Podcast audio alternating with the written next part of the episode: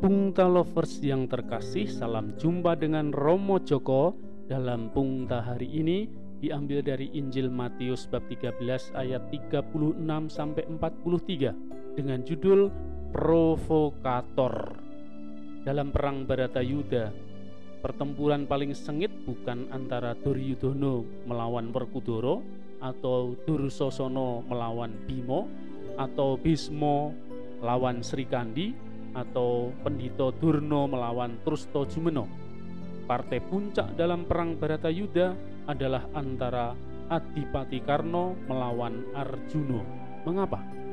Karena mereka adalah saudara sekandung, sedarah daging keturunan dari ibu yang sama yaitu Kunti. Karnolah yang menjadi obor urup-urup atau provokatornya dia yang memanas-manasi Kurowo agar berani berperang. Dia sanggup dijadikan senopati melawan Pandowo. Tanpa kekuatan Karno, para Kurowo tidak bakal berani menandingi Pandowo. Ini dilakukan Karno sebab dia berpandangan kejahatan tidak akan sirna bersama dengan manusia tempat di mana kejahatan itu bertahta.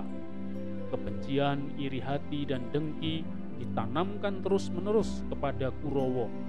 Niatnya ini didukung oleh Sengkuni yang juga berhati jahat. Karno ingin melenyapkan kejahatan, tetapi dia memilih berada di tengah-tengah kejahatan agar bisa ditumpas supaya kebaikan bisa menang. Sesudah Karno gugur, tidak ada lagi kekuatan Kurowo. Suwe mijet woeng ranti.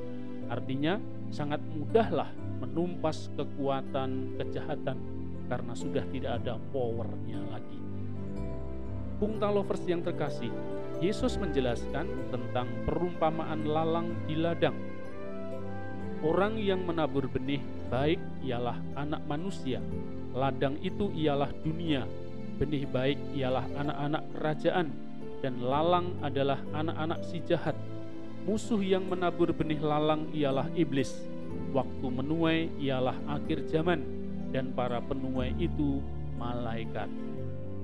Hidup kita ini ibaratnya peperangan antara kebaikan dan kejahatan di dalam hati kita. Tuhan menanamkan kebaikan, tetapi iblis menaburkan kejahatan di dalam hati manusia. Kematian adalah waktu akhir untuk menuai. Di sanalah kita akan ditimbang oleh malaikat. Manakah yang lebih banyak kebaikan atau kejahatan yang kita buat. Di sanalah kebaikan akan bercahaya seperti matahari dan kejahatan akan dicampakkan ke dalam dapur api. Bukta lovers yang terkasih, sekarang manakah yang akan kita pilih? Benih baik atau lalang? Pilihan itu menentukan keselamatan kita kelak. Benih baik akan dikumpulkan di dalam kerajaannya, lalang akan diikat dan dibakar dalam dapur api yang menyala. Sekarang silahkan Anda menentukan sendiri. Keputusan bebas ada di pihak kita masing-masing. Naik dokar menuju Magelang, kudanya limpoh di panca arga. Jangan pernah menanam lalang, kita tidak akan memetik hasil baiknya. Sampai jumpa, salam sehat, jaga protokol kesehatan selalu.